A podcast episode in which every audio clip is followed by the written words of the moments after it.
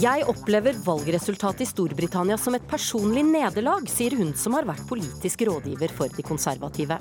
En stor seier, sier Corbyn-tilhengeren, som nå mener landet går en lysere framtid i møte. Lektor Simon Malkenes ved Ulsrud videregående i Oslo er en av flere lærere som har opplevd trusler og vold fra elever. Fem elever, fem aggressive gutter fra en annen skole som ville inn i mitt klasserom i norskundervisninga mi. Nå har skolen leid inn vektere for å passe på. Og i dag går en regnbueparade gjennom Bergen for å feire kjærligheten mellom lesbiske, homofile, bifile og transpersoner. Seksualisering av byrommet, sier KrF, som møter en Frp-politiker i drag til debatt. Velkommen til ukeslutt. Mitt navn er Åsa Vartdal. Og er du en av dem som gjerne tar deg en bensin, bensinstasjonbolle når du er på veien? Vi skal møte han som har erklært krig mot det han rett og slett kaller drittbollen. Men først til Storbritannia.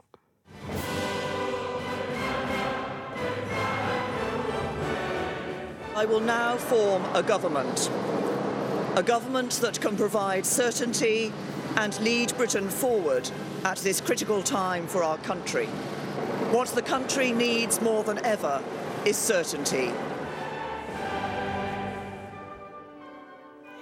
Britene har altså overrasket igjen. Statsminister Theresa May skrev ut nyvalg og var, som flere eksperter, sikker på en solid seier. I stedet mistet de konservative flertallet i parlamentet. Labour-leder Jeremy Corbyn og flere andre politiske ledere mener May må trekke seg etter nederlaget, men i går dro hun til dronningen og ba om å få danne ny regjering sammen med det nordirske unionspartiet DUP. Og Espen Aas, du er korrespondent i London. De som har fulgt med på valget i det siste, har kanskje sett mer til deg enn sin egen familie. Nå har du tatt deg en tur på en kafé i ditt nabolag Wimbledon i London.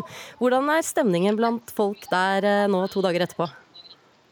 Altså, Wimbledon er jo et av de få stedene kanskje i hele London som eh, ikke ble rystet av valgresultatet. Her eh, klarte de konservative fortsatt å holde på seieren. Men ellers så har jo Storbritannia og eh, London virkelig snudd om på seg når eh, områder som eh, Chelsea og Kensington, hvor noen av de rikeste folkene i hele landet bor, eh, havner på et flertall for Labour, så er det klart at ingenting ligner på hva det pleier å gjøre. Og jeg tror nå mange lurer litt på hva er det egentlig for slags eh, fremtid som venter, med en eh, upopulær eh, statsminister som ikke klarer å få flertall, og en litt upopulær opposisjonsleder som heller ikke klarer å få flertall. Mm. I går så sto det 'mayhem' på forsiden av den største avisen, The Sun. Eh, Britiske aviser pleier å være ganske kreative med, overskriftene sine. Hva skriver avisen i dag? I dag eh, ser vi f.eks. På forsiden av The Sun så er eh, overskriften 'Teresa dismay'. Uh, Daily Mirror har 'Core Blimey', og ellers så handler det jo om at Theresa Mays store spill falt. Spillet som slo tilbake, som Daily Mail skriver. Mays store spill som falt gjennom, som The Times skriver begge konservative aviser. Begge aviser som alltid har støttet de konservative og Theresa May. Så de er ikke særlig imponert over Theresa May, og det er det vel heller ikke innad i partiet. Så nå kan man nesten høre knivene slipes før noen tenker at eh, de skal bytte ut eh, en leder i det partiet. Og det kan, eh, kan komme ganske raskt.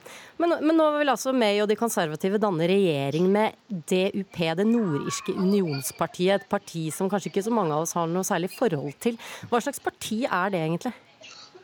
Det er det helt klart største partiet i Nord-Irland. I motsetning til de andre landene så har Nord-Irland eh, et helt eget sett med partier eh, med litt religiøse overtoner. Og unionistene, som da har 10 eh, av de 18 plassene fra Nord-Irland, er et protestantisk, men ganske verdikonservativt parti med ganske steile holdninger mot abort, steile holdninger mot homofili, og har ifølge mange holdt igjen veldig på å reformere de strenge abortlovene i, i Nord-Irland. Og Det har eh, skapt litt problemer for Theresa May nå, fordi hennes eh, veldig populære og suksessfulle leder for de konservative i Skottland, hun er nemlig lesbisk og liker ikke tanken på at hennes kjære parti nå skal samarbeide med noen som har eh, ganske steile holdninger mot folk med hennes seksuelle legning.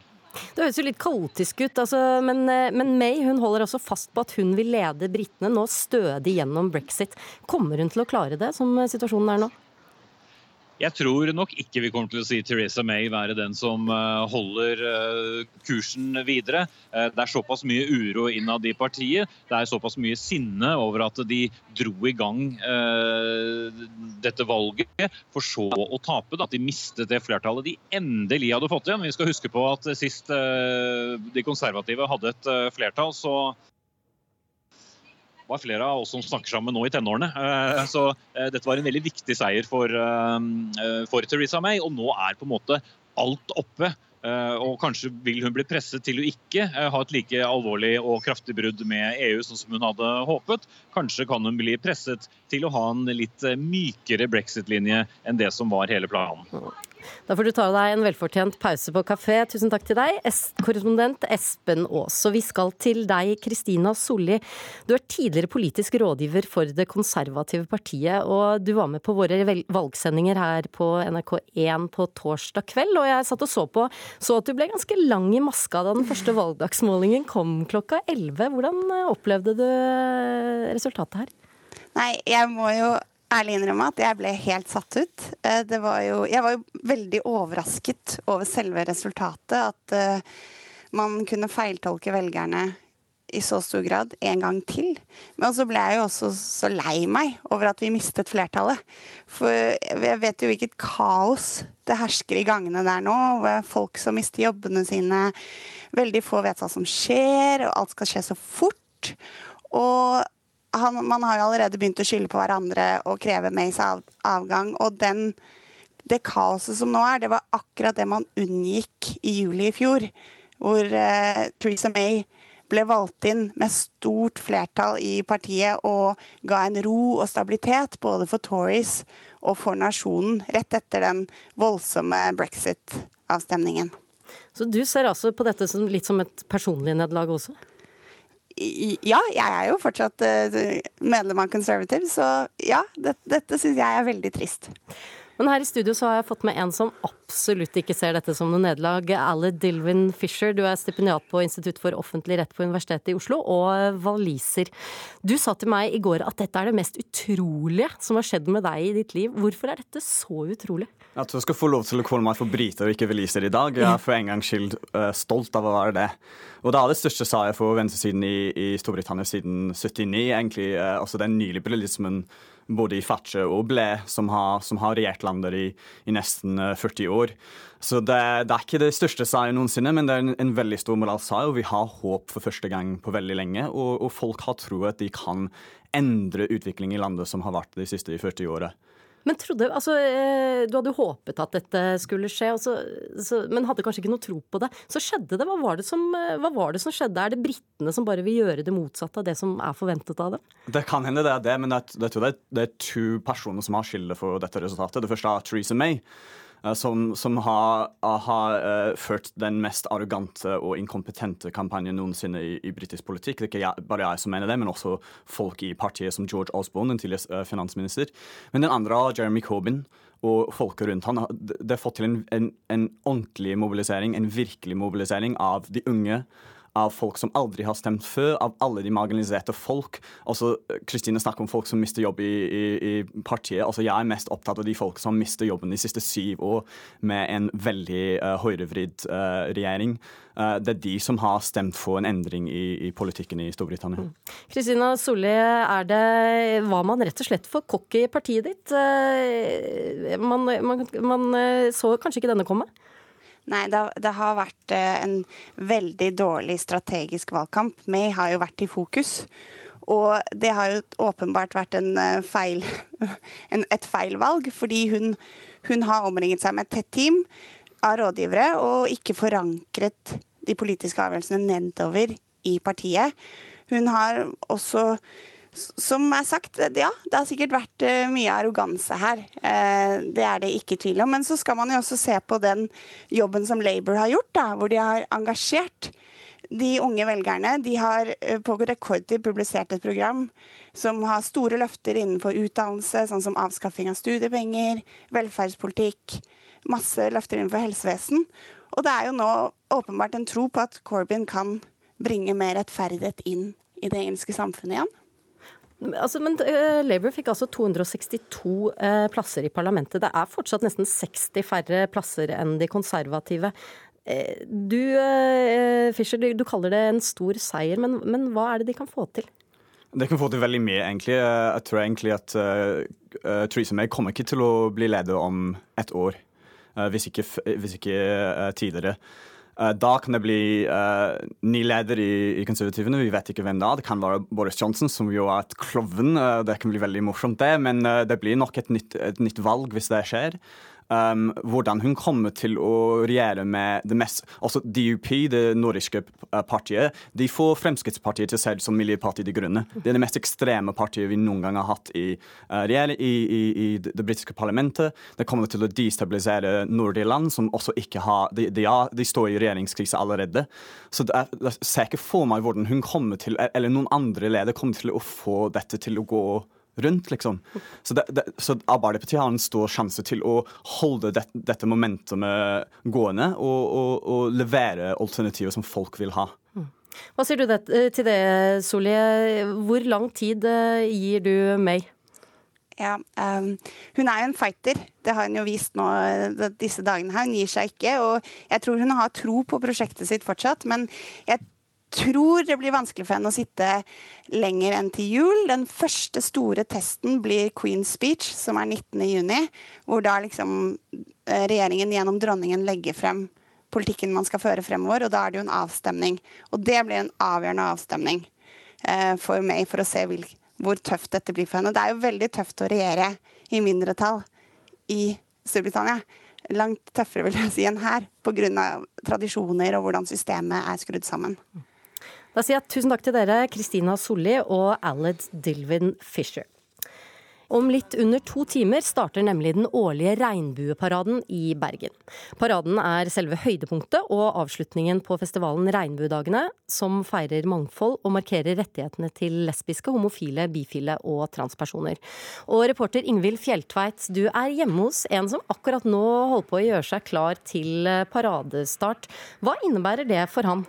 Det innebærer glitter, kjoler, sminke. Og her står jeg i et rom som er på en måte, tror jeg, veldig mange som er glad i glitter og glem sin drøm. For her er det masse sminke på bordet, det er flotte smykker, og det henger kjoler langs veggene. Og Kristian Haugen, du sitter og blir sminket av din gode kompis Jostein. Ja. Hvor lang, hvordan ligger du an i påkledningsprosessen nå? Nei, Vi pleier jo alltid å ha litt uh, dårligere tid enn det vi har planlagt, men uh, det får bare bli som det blir. Uh, det tar jo minst tre timer å sminke hver person. Så det, det blir alltid litt sånn derre at man glemmer et eller annet. og Enten så blir det neglene eller et eller annet som går dukken hver gang, men det får bare være. Ja, For hva er det som gjenstår nå? Nå gjenstår det å få de bryna litt mer mindre buskete. Eh, få på vippa, ta på seg klærne, kjolene, eh, sko. Så det er ganske mye som gjenstår ennå. Og du har jo gjort en del forberedelser også, har du sagt. Hva er det du har holdt på med de siste dagene? Du må jo fjerne hvert eneste hår du har på kroppen. Eh, så du ser jo litt sånn spedalsk ut i de ukene etterpå. Eh, og så må du jo kjøpe inn ganske mye greier, da. Og da er det jo veldig flott å ha en kompis som Jostein som har et utvalg større enn liksom alle mulige makeup-firmaer i Bergen. Ja, for Nå har jo du ganske bra med sminke og kjole og sko rundt deg her, men det er ikke hver dag at du pynter deg fullt så mye? Nei, til vanlig så går jeg jo uniform på Haukeland eller eh, et eller annet sted på et sykehus. Så det er eh, ikke sånn hverdags for meg å gå med tre kilo sminke i ansiktet, men det er jo gøy. Men hva er det som gjør at du pynter deg ekstra akkurat i dag, da? Jeg syns det er veldig viktig at man uh, markerer og, og, går i paraden for alle de som ikke kan gå, og for å støtte opp om at det er mange land som går i feil retning. Og det er også mange problemer i Norge og i Bergen som eh, man ikke kan ta for gitt at eh, går i riktig retning hvis man ikke gjør noe selv for det. Og Du er jo bystyrerepresentant her i Bergen. Mm. Hvilke reaksjoner får du fra folk når de ser deg i et litt annet antrekk enn til hverdags? Altså jeg får utelukkende positive tilbakemeldinger. Ehm, og folk syns jo at det er tøft at man tør å, stå eh, for, for, det man mener og det man tror på. Og jeg tror på at, at alle mennesker i Bergen skal være inkludert og uh, føle at de kan være seg selv. Og i Bergen så syns jeg at vi har et veldig godt politisk tverrfaglig samarbeid og, og, støtter opp om hverandre. Og Nå er det bare noen timer til regnbueparaden og festen braker løs. Hvilke forventninger har du til den? Jeg håper eh, at det ikke begynner å regne i år, for nå har jo det vært eh, oppholdsvær eh, under paraden de fleste årene som jeg har gått. Eh, og det blir litt krise hvis det begynner å regne, for da begynner alt å renne. Så. Ja, Det er heldigvis ikke meldt regn i Bergen i dag, så nå skal Kristian få gjøre seg helt ferdig til regnbueparaden her i Bergen. Tusen takk til deg, Ingvild. Eh, ikke alle er like begeistret for at LHBT-personer setter sitt preg på Bergen. Litt senere i sendingen så skal vi høre mer fra Christian Haugen. Da møter han KrF til debatt om hvor mye pride et offentlig byrom egentlig skal tillate.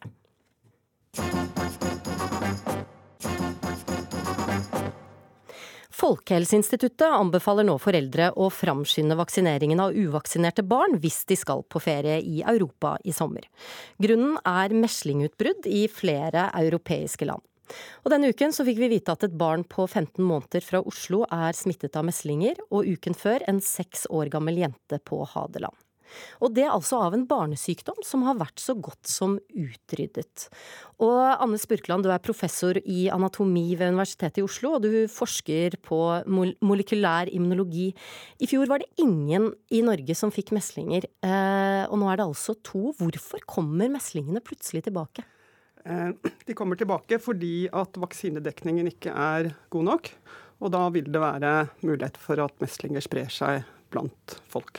Så det er færre nå som vaksinerer barna sine enn før? Det har vært en nedgang. Eh, vi må ha 95% av oss må være vaksinert for at uh, meslinger ikke skal spre seg. Og enkelte steder i Norge er vaksinedekningen lavere enn det. Det er bra, men noen steder er det lavere. Men hva er det som skjer i kroppen? Hva skjer i kroppen når et meslingvirus kommer inn i en uvaksinert kropp? Eh, da vil viruset feste seg på overflater i slimhinnen. Vi puster det inn, eh, og så vil det gå inn i de cellene som er der, og begynne å kopiere seg selv. Og det tar noen dager før det blir mange nok virus til at man merker det. det inkubasjonstiden er kanskje så mye som to uker. Men så kommer symptomene, og da er det feber og eh, forkjølelsessymptomer. Og etter noen dager blir det også utslett. Og dette kan man dø av? Hvis, er, ja, hvis man er uheldig, så kan man dø av det. Det er en av de viktigste dødsårsakene blant barn. Øh, fortsatt, og Tidligere var det mange. 2,5 millioner barn døde årlig av meslinger. Men nå er det altså to tilfeller i Norge, og vi har sett flere andre steder i Europa. Hva kan man gjøre for, for å stanse spredningen ja, det, av meslingene? Jeg vil si Det eneste vi kan gjøre, er å oppfordre alle til å vaksinere barna sine. Og, og overbevise så godt vi kan om at meslingvaksine er trygt, og det er mye mer utrygt å ikke vaksinere seg. Mm. Fordi det er jo en del som er, er skeptiske. Eh, I 2009 så var det flere som utviklet narkolepsi etter å ha tatt svineinfluensavaksinen. Forstår du at folk kan bli litt usikre på om de bør vaksinere eller ikke? Jo, jeg kan forstå det. og Svineinfluensavaksinen eh, var jo uheldig. Det var veldig overraskende. Eh, at noen skulle få narkolepsi i etterkant. Men det viser også at noen av oss vil være sårbare og, og kunne reagere på en vaksine. Men alternativet er jo å bli syk av infeksjonen, og da er det mange flere av oss som vil få spesielle reaksjoner, og som vil bli syke. Når det gjaldt svineinfluensa, så var det mange som fikk narkolepsi når de fikk influensaen også. Så det um, uh, Vi har glemt at vi vaksinerer mot sykdommer som faktisk er farlige. Da de ble introdusert, var uh, forståelsen for dette mye større. Jeg selv fikk levende poliovaksine da jeg var åtte år gammel, i 1968. Moren min kunne huske hvordan det var med polioepidemier, fordi hun vokste opp uh, før vaksinen. Og da var det kanskje 2000 i året i Norge som fikk lammelser pga. polio. Så man har rett og slett glemt litt hva dette faktisk kan føre til hvis man lar være å vaksinere barna? Jeg tror at de foreldrene som er bekymret for vaksiner, de vet ikke hva vi var redd for før. Det var mye mer skremmende. Det er mange av de som ikke vil vaksinere barna, som tror at ved at barna får det naturlig, så utvikler de et forsvarsverk mot det. Vi hørte denne uken eh, om en, et barn i Sverige som fikk meslinger, og hvor moren inviterte de andre, altså andre foreldre rundt til å komme på besøk, slik at de kunne la barna sine bli smittet. Hva tenker du når du hører det? Da tenker jeg at De har misforstått hva meslinger er for en slags sykdom. Det er eh, en virusinfeksjon som i etterkant kan gi et svekket immunforsvar. Det er en alvorlig eh, infeksjon. og eh, jeg er helt uenig at er, man får et bedre immunforsvar av å få meslinger på en naturlig måte. Vaksinen eh, stimulerer immunforsvaret akkurat like fint som selve infeksjonen. Men man gjør jo dette med vannkopper. Sender barna inn til naboen for at de skal få vannkoppene. ja, men vannkopper er på ingen måte så alvorlig. Vi har ikke vannkopper engang i barnevaksinasjonsprogrammet, selv om vi kunne hatt det. Så det regner vi ikke som like skummelt. Um, så jeg kan holde med mødrene i at det er bra å stimulere barnets immunforsvar eh, ved å ikke ha det altfor rent rundt seg. Altså, Man må ikke vaske absolutt overalt i huset sitt. Det er helt greit at barna får søle i munnen, men meslinger nei.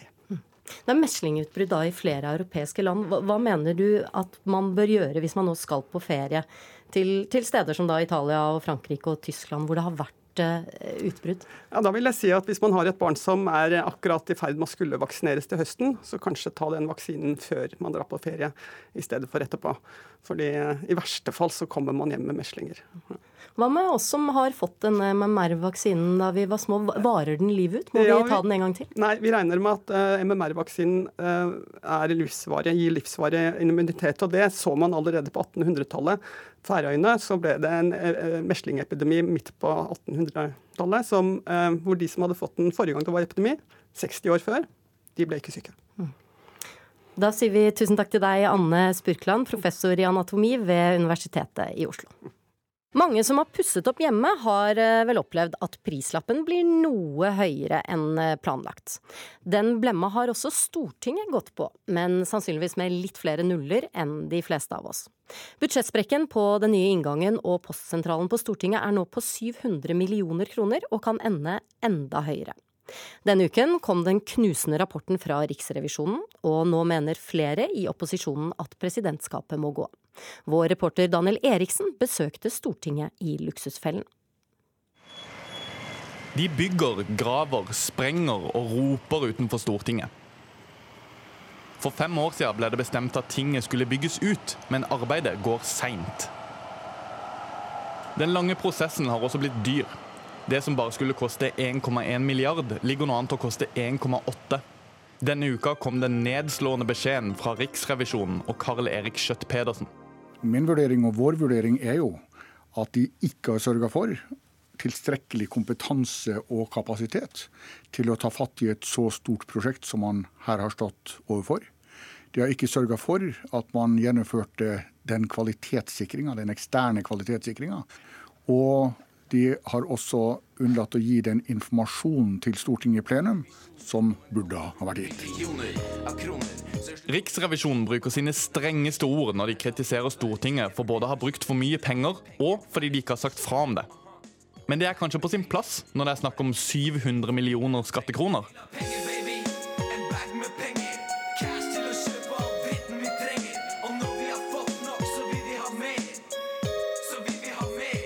At Stortinget trenger å bygges ut, er opplest og vedtatt. Men nå har det gått fem år, og prosjektet har blitt 700 millioner kroner dyrere enn antatt. Senterpartiets Per Olaf Lundteigen mener det er på tide å begynne å sparke folk på Løvebakken. Eh, veldig uheldig.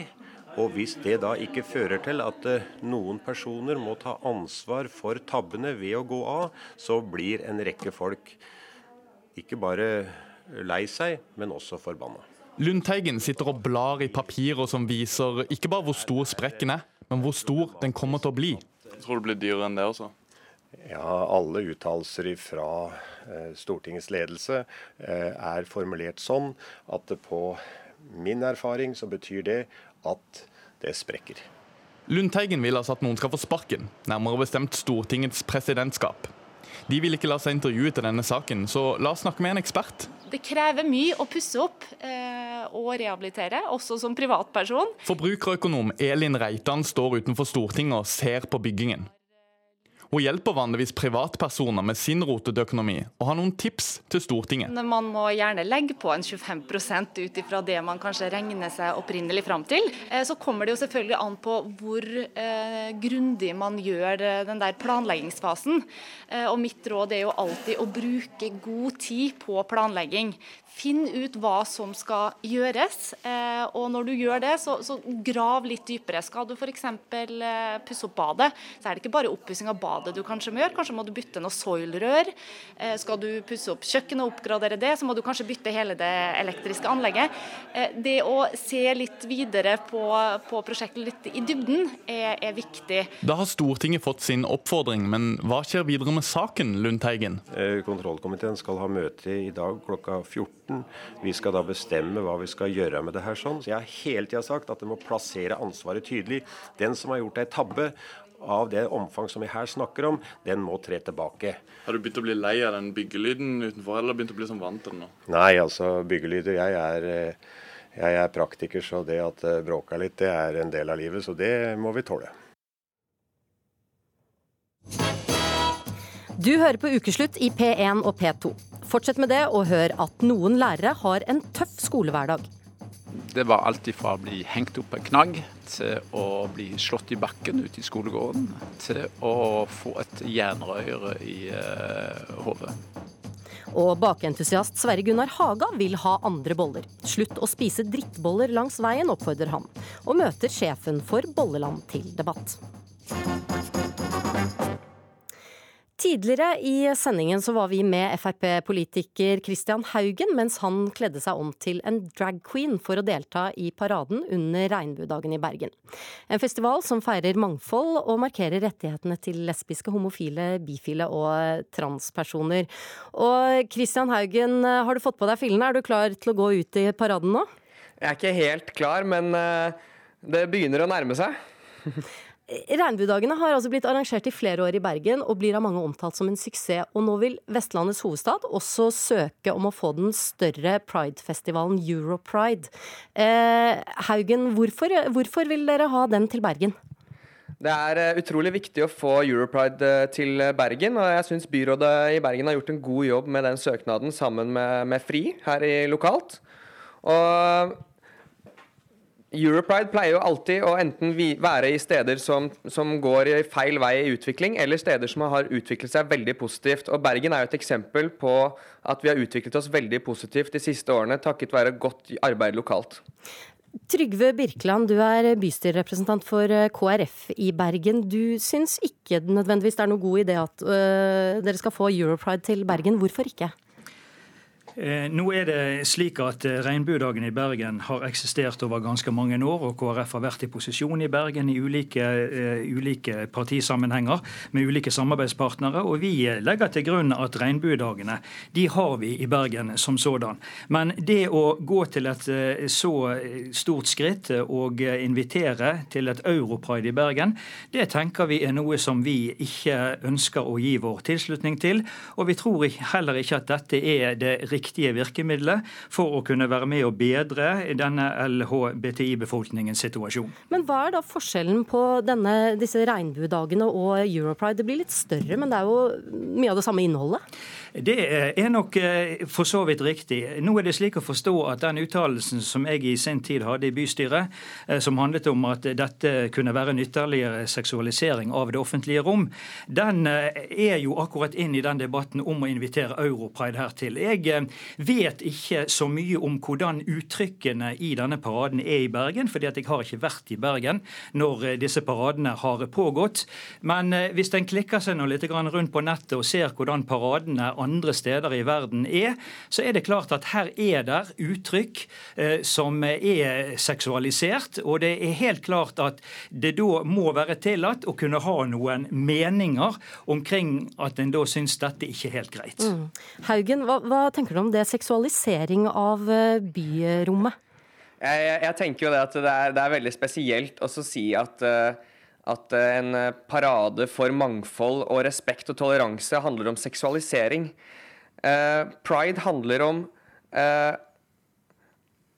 at grunnleggende menneskerettigheter, som er lovfestet i Norge og internasjonale konvensjoner, og Det er en form for ytring. Vi får ytre hvem vi står, hva vi er, hvem vi er, hva vi står for. At vi kan vise at vi respekterer og er glad i folk som er glad i andre mennesker enn oss selv.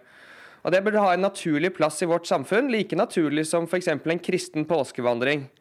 Og Jeg syns det er veldig spesielt uh, at vi som er fra det kristne miljøet, ikke ser det at i det kristne miljøet så er det større utfordringer å være annerledes enn A4-normalen. Og Derfor så burde vi ta større ansvar for å vise de unge menneskene som er usikre på seg selv, at det er greit å være annerledes, det er greit å elske den du vil, og ikke kalle det seksualisering av det offentlige rom. Men det er jo også andre stemmer enn KrF som har reagert på formen, den liksom seksuelle formen, at, og man har blitt anklaget for å fremme stereotypier. Kan du forstå det? Altså, I den paraden så kan alle få lov til å gå og være akkurat den de vil. Og det er veldig mange som går i paraden fordi at de går for andre mennesker som ikke tør å gå selv. Det er veldig mange i Norge som ikke tør å være åpne om sin egen legning og seksualitet. Og det blir ikke bedre av at vi bare hysjer det ned og bare tror at ting går over av seg selv. Det er ingen utvikling som kommer av seg selv, man må jobbe for det. Birkeland, vil du hysje ned noe som, som er der? Nei, altså, Det som er forskjellen her, det er jo det at altså, når det gjelder kampen for, for, denne delen av befolkningens rettigheter og deres vanlige liv, så, så støtter jeg helt og holdent det. og Ingen skal mobbes, ingen skal trakasseres. Men er det nødvendig at dette budskapet skal fremmes med en del av de virkemidlene som vi i alle fall i de internasjonale paradene ser, med veldig mye bar hud, lakk og lær, kostymer, bevegelser, hinting, kroppsspråk, eh, oppblåsbare kreasjoner? Ja, der er mye av dette. Og jeg tenker at det er en, en stor del av befolkningen, mye flere enn de 5-6 eh, som skulle stemme KrF, som vil ha meninger omkring dette. Og jeg eh, tenker at, eh, at akkurat dette uttrykket som sådan er det også sikkert mange innenfor denne grupperingen som heller ikke syns er greit. Og faktisk, hvis dette ikke hadde vært i paraden, så kan det hende at det hadde vært enda flere som hadde stilt opp i en, en marsj som, som handlet om, om rettigheter og gode liv også for denne gruppen. Haugen? Ja, jeg syns jo det er veldig spesielt å si det. Å være mot pride er jo å være mot menneskers rettigheter til å uttrykke hvem de er. Uh, men han er vel ikke nødvendigvis mot pride, men uh, noe av uttrykket? Ja, men det er jo ikke sånn at det er noen som blir tvunget til å gå i pride. Dette er et helt frivillig arrangement som viser det at det er andre måter å leve på, andre måter å elske på, enn det som er eh, heteronormativt i samfunnet vårt. Og jeg syns at KrF skjuler seg bak begrepet om at de er så tolerante overfor at eh, andre mennesker selvfølgelig skal ha gode liv, men jeg syns de i realiteten fremmer intoleranse og har, eh, prøver å få respekt for sine diskriminerende holdninger.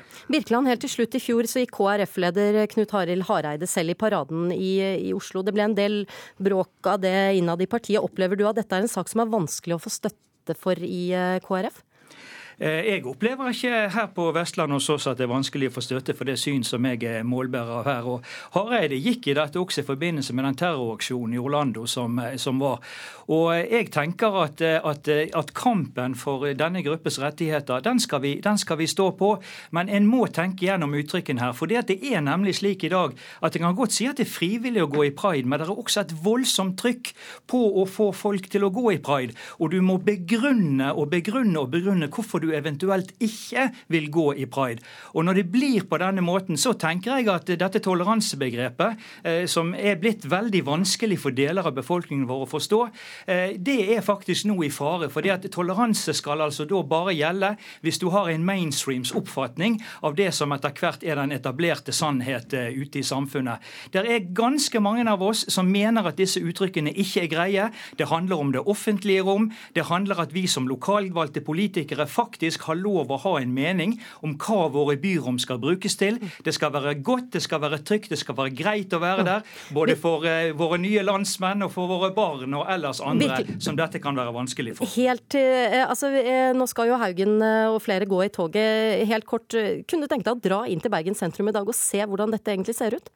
Nei, jeg kommer ikke til å reise inn til Bergen sentrum i dag. For vi har arrangementer som vi holder på med. Jeg eh, har vært på et arrangement og kommer ikke til å reise inn. Eh, jeg eh, har min måte å kjempe denne kampen på. Og det handler bl.a. veldig mye om de mange samtaler ute i samfunnet der du opplever at denne gruppen blir diskriminert og snakket stygt om. Og da tar jeg gjerne til orde for at også denne gruppen skal ha gode liv, selv om de lever til dels annerledes enn hva mange av oss ville ønske. Da får du ha lykke til i paraden, Kristian Haugen fra Fremskrittspartiet. Takk til deg, Trygve Birkeland, bystyrerepresentant for Kristelig Folkeparti i Bergen. Noen ganger kan det gå på helsa løs å være lærer. Denne uken skrev Dagsavisen om vold og trusler mot lærere på Ulsrud videregående skole i Oslo. Vi dro dit for å finne ut hvor brutal skoledagen kan være. Det er eksamenstid på Ulsrud videregående skole i Oslo. Sommerferien er like rundt hjørnet, og det er god stemning blant elever og lærere i gangen. Men sånn er det ikke alltid. Simon Malkenes er lektor på Ulsrud. Som lærer har han blitt truet flere ganger. En episode i høst husker han spesielt godt. Eh, altså I den situasjonen så er jo forløpet at jeg er opptatt med å drive undervisning i min klasse. Eh, gjennomgå nytt stoff på tavla i en klassediskusjon. Eh, og så blir døra rivd opp, og det kommer folk inn for å hente da en av mine elever. Fem elever, fem aggressive gutter fra en annen skole som ville inn i mitt klasserom i norskundervisninga mi. Ja, jeg, jeg, må jo gå mot dem, ut med armene for å skjerme at de skal gå forbi meg, og på en måte eh, sauesanke de ut av døra. Eh, og da, eh, mens jeg eh, eh, med høy røst spør hvem de er, hvor de kommer fra, for jeg kjenner de ikke, mens jeg ble grundig utskjelt på ved en rekke ord som jeg ikke skal nevne på radio, eh, på en rekke verdensspråk. Denne uken skrev Dagsavisen om episoder med vold og trusler mot lærere på Ulsrud videregående skole. Men det er ikke bare på Ulsrud videregående det skjer. I fjor ble det rapportert om 1940 tilfeller av vold og trusler mot lærere i Oslo-skolen.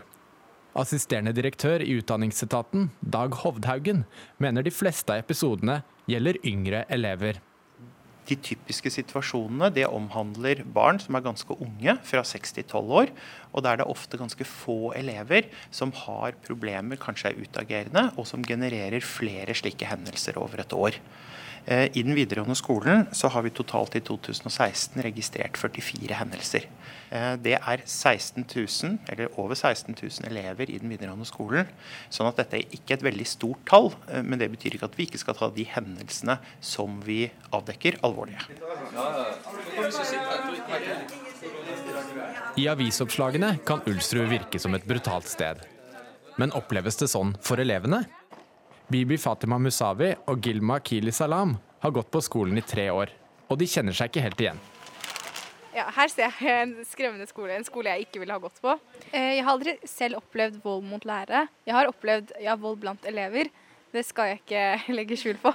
Men ja, jeg kan si det siste året har eh, vært litt uh, veldig mye tøys. Da. Liksom, det har vært slåsskamper, det har vært um, urolig på skolen. Fordi det fins eh, problemer på skolen som er viktige å snakke om.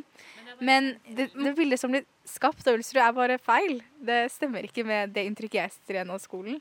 Skolen er um, en bra skole med et positivt læringsmiljø og flinke elever. Vi forlater Ulsrud en liten stund for å treffe Børge Skåland, forsker ved Høgskolen i Oslo og Akershus. Han forsker på vold og trusler mot lærere. Selv har han jobbet på spesialskole og har opplevd litt av hvert. Nei, jeg har blitt sparka, kasta ting på og eh, ja brukt alle de mest ukvemme ordene som er mulig i norske språk, har jeg kjent komme kommer sprøytelakkert med, med ukvemsord. Så det kjenner jeg godt. I forskningen sin har han sett på hva lærere opplever, og hvordan det preger dem etterpå. Det var alt ifra å bli hengt opp en knagg, Eh, til å bli slått i bakken ute i skolegården, eh, til å få et jernrør i eh, hodet. Det er tap av selvtillit, det er generell utrygghet, og det er å holde det skjult. Og de, eh, de, får en redusert opplevelse av det å være lærer og det å være seg sjøl. Så eh, dette er ting vi må leve med, men vi må lære oss å håndtere det. Få det opp på bordet og få debatten omkring det. Tørre å prate om det. Ta det opp seriøst. Skal vi Elever og lærere på Ulsrud sier det er bare noen få som lager problemer. Men det har altså vært så mye bråk at skolen har hyrt inn Securitas-vakter i sivil i skolegården. Rektor David Dunlop sier det er et midlertidig tiltak. Nå vet jeg at vi er veldig glad i å, å kalle dem for vekter. Eh, vi har konsekvent kalt dem for miljøarbeidere. Og du kan si hvilket firma de kommer fra, er for så vidt uinteressant. De har fått ett mandat, og det er å med eh, på skolens premisser for å bygge miljø. Eh, det er ingen tilfeller da, da, disse miljøarbeiderne har måttet gripe inn eller gå fysisk til verks med elever. Og elev Bibi Fatima Musawi Hun syns det har fungert. Jeg, jeg føler jo at siden de har kommet, så har jo situasjonen blitt litt roligere. Det er mindre slåsskamper. Eh, politiet altså, besøker skolen et par ganger mindre i uka. Ingen ble skadd da fem ungdommer tok seg inn i klasserommet til Simon Malkenes. Men sånne episoder er tøffe for en lærer, sier han. Når det er over, så skal jeg tilbake igjen til mine elever med 200 i puls og dunkende adrenalin, og fortsette å undervise i retorikk, eller hva det var når vi hadde den timen. Eh, det preger jo hele den dagen, og det, det, det, det er belastende å ha sånne situasjoner som en skal håndtere i en skolehverdag. Han har ikke tro på vektere i skolegården, men ønsker seg flere lærere og flere ressurser. At uh, en vil ha vektere for å unngå uh, konflikter i friminuttene, er jo en sånn quick fix som er mye billigere enn å bruke kompetente fagfolk. Uh, men husk òg at lærerne er fortsatt de som har elevene i klasserommet, selv om vekteren står ute i friminuttet i, i, i skolegården. Og reporter her var Sigurd Øygarden Fleten Sett i gang og bak, fordi eh, da kvikner en med en gang. Og i dag skal vi bake boller. Så bruker vi 100 gram margarin. Og en kan godt bruke den mjuke margarinen til slik bakst som dette. Og så har vi i eh, mjølk. Og så må vi jo ha gjær. Jeg har pressgjær i dag. Fersk, fin gjær. Mjøl en halv kilo. Ja, så skal det sukker. Det står 100 gram i oppskriften. Jeg tar en desiliter. Den veier ikke mer enn en, eh, en 90 eh, gram. Men det blir bra. Ingrid Espelid Håvik lærte oss å lage hjemmelagde boller, og for mange gir lukten av nybakte hveteboller assosiasjoner til kjøkkenet hjemme hos mor eller bestemor. Eller kanskje til bensinstasjonen? I 2012 spiste vi nordmenn 40 millioner boller, og vi fortsetter å gomle dem i oss, hjemmelagde eller ei. Eh, Sverre Gunnar Haga, du er forfatter og bakentusiast. Du har rett og slett gått i krig mot bensinstasjonbollen, du. Hvorfor var det nødvendig? Fordi vi har mista den gode, gamle hjemmebakte bollen av syne. De har, Bensinstasjonene og storkioskene har tatt over bollen. Nå vil de ta hvetebollen tilbake. Den er altfor alvorlig til å la amatører ta hånden om den. Men se her, på vei til jobb i dag så kjøpte jeg med tre eh, boller på en bensinstasjon. Eh, fikk tre stykker for 30 kroner, så her skal du få smake på en av de her sånn. Hva er det som er så, er det som er så galt med den? Jeg vet ikke, men altså eh, Boller skal ikke ligne, ligne på 80 år gamle besteforeldre. Det er nå én ting. Eh, jeg vet ikke, Det kan ikke være lagd av noen som er glad i boller, det her, fordi den er så rynkete og lukter ikke spesielt godt. Og så skal jeg smake. Mm -hmm. Ikke bra. Jeg syns ikke den er så veldig ille. Hva er det som, på, med måten disse blir laget på som gjør at de ikke er ekte boller, mener du? Det er Eh, er, det er et såkalt bake-off-produkt. Det blir lagd på et storbakeri her i sentrale østlandsområdet.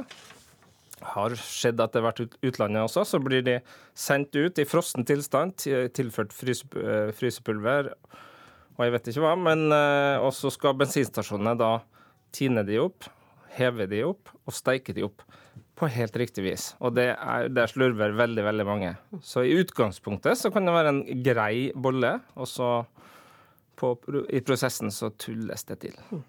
Rune Gulbrandsen, du er um, sjefen for Bolleland på Espa. Eh, bensinstasjonen som altså selger mer boller enn bensin.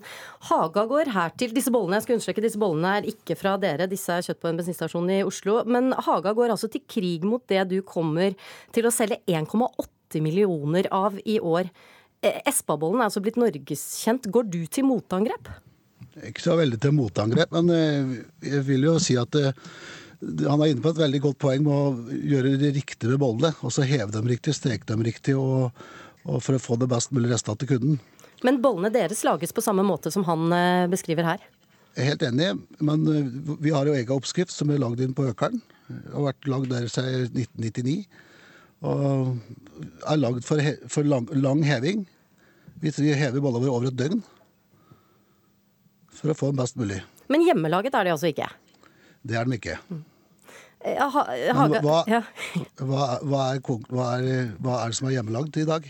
Er det, må du ha et eget bakeri bak på stasjonen da, for at det skal være hjemmelagd, eller er det Nei, det, og det ser jeg selvfølgelig eh, ikke som realistisk i det hele tatt, dessverre. Men, men det her er jo, handler jo om at vi er i ferd med å bli sånn halvfabrikatasamfunn de luxe. da. Jeg holdt jo på, fikk, eh, jeg fikk jo sjokk her om dagen da jeg så på en eh, matvarebutikk alle disse Toro, gule Toro-posene. 15-20 forskjellige produkter, tilfør litt vann.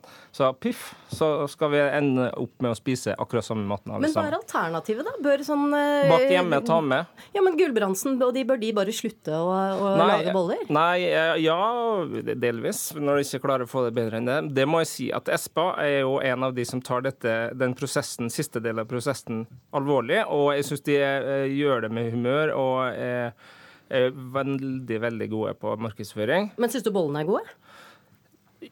Nei, Litt deigete kanskje, men eh, helt OK. Jeg har spist Espa-boller mange ganger. Jeg har jo to barn, og de vil jo dit. Men det er altså 1,8 millioner som dem i, kommer til å kjøpe dem i år. Ja. Kommer, tar de feil? Ja, ganske mange. De aller fleste. Gulbrandsen, kan dere forbedre bollen deres på noe vis? Er den, er den bra for folk, den bollen dere lager? Altså, Vi har jo og alternativ. Vi har jo grove boller, faktisk. Det, for tre år siden ble det kjørt en skikkelig kampanje i Norge med grove boller. og Det er bare vi som har hatt det. Men dere har også eh, sjokoladebolle, og det er, nå er bolle med Solo i. Hvorfor ikke ta vare på den gode, gamle eh, bollen, og hvorfor putte inn sånne usunne ting i bollen? Nå er jeg ikke sunt er- å spise bolle hver dag, det er jo klart, men jeg vet ikke, er- denne pimpinga av bollen, hva er det for? Det er jo markedet som bestemmer hva folk vil ha. Ja, men er- dere styrer jo markedet, det er jo dere som skaper etterspørselen. Selvfølgelig gjør det det. Og vi, vi, er, vi får jo stadig forslag på hva vi skal ha i boller. Både fra lakris til alt mulig og, som har vært prøvd. Så vi prøver jo å tilpasse oss det markedet som er der ute. Men folk stanser jo gjerne på bensinstasjoner for å få i seg litt næring underveis. Kan dere Gulbrandsen, hjelpe dem å kanskje få i seg noe som er litt mer eh, næringsrik enn næringsrikt enn bollene? Eh, vi selger jo veldig mye andre ting òg. Og spesielt sånn som epler og sånn. Det er jo blitt mye mer salg av det enn det var før. Og ikke minst salater. Og så er det jo myte med folk at folk kjøper boller og pølser og sånn om morgenen. Det er helt feil. Vi selger bagetter, brødskiver, fram til klokka tolv, og så går den andre maten som tar over utover dagen. Haga, helt til slutt. Du har altså startet en egen Facebook-side, Folkeaksjonen Ta hvetebollen tilbake.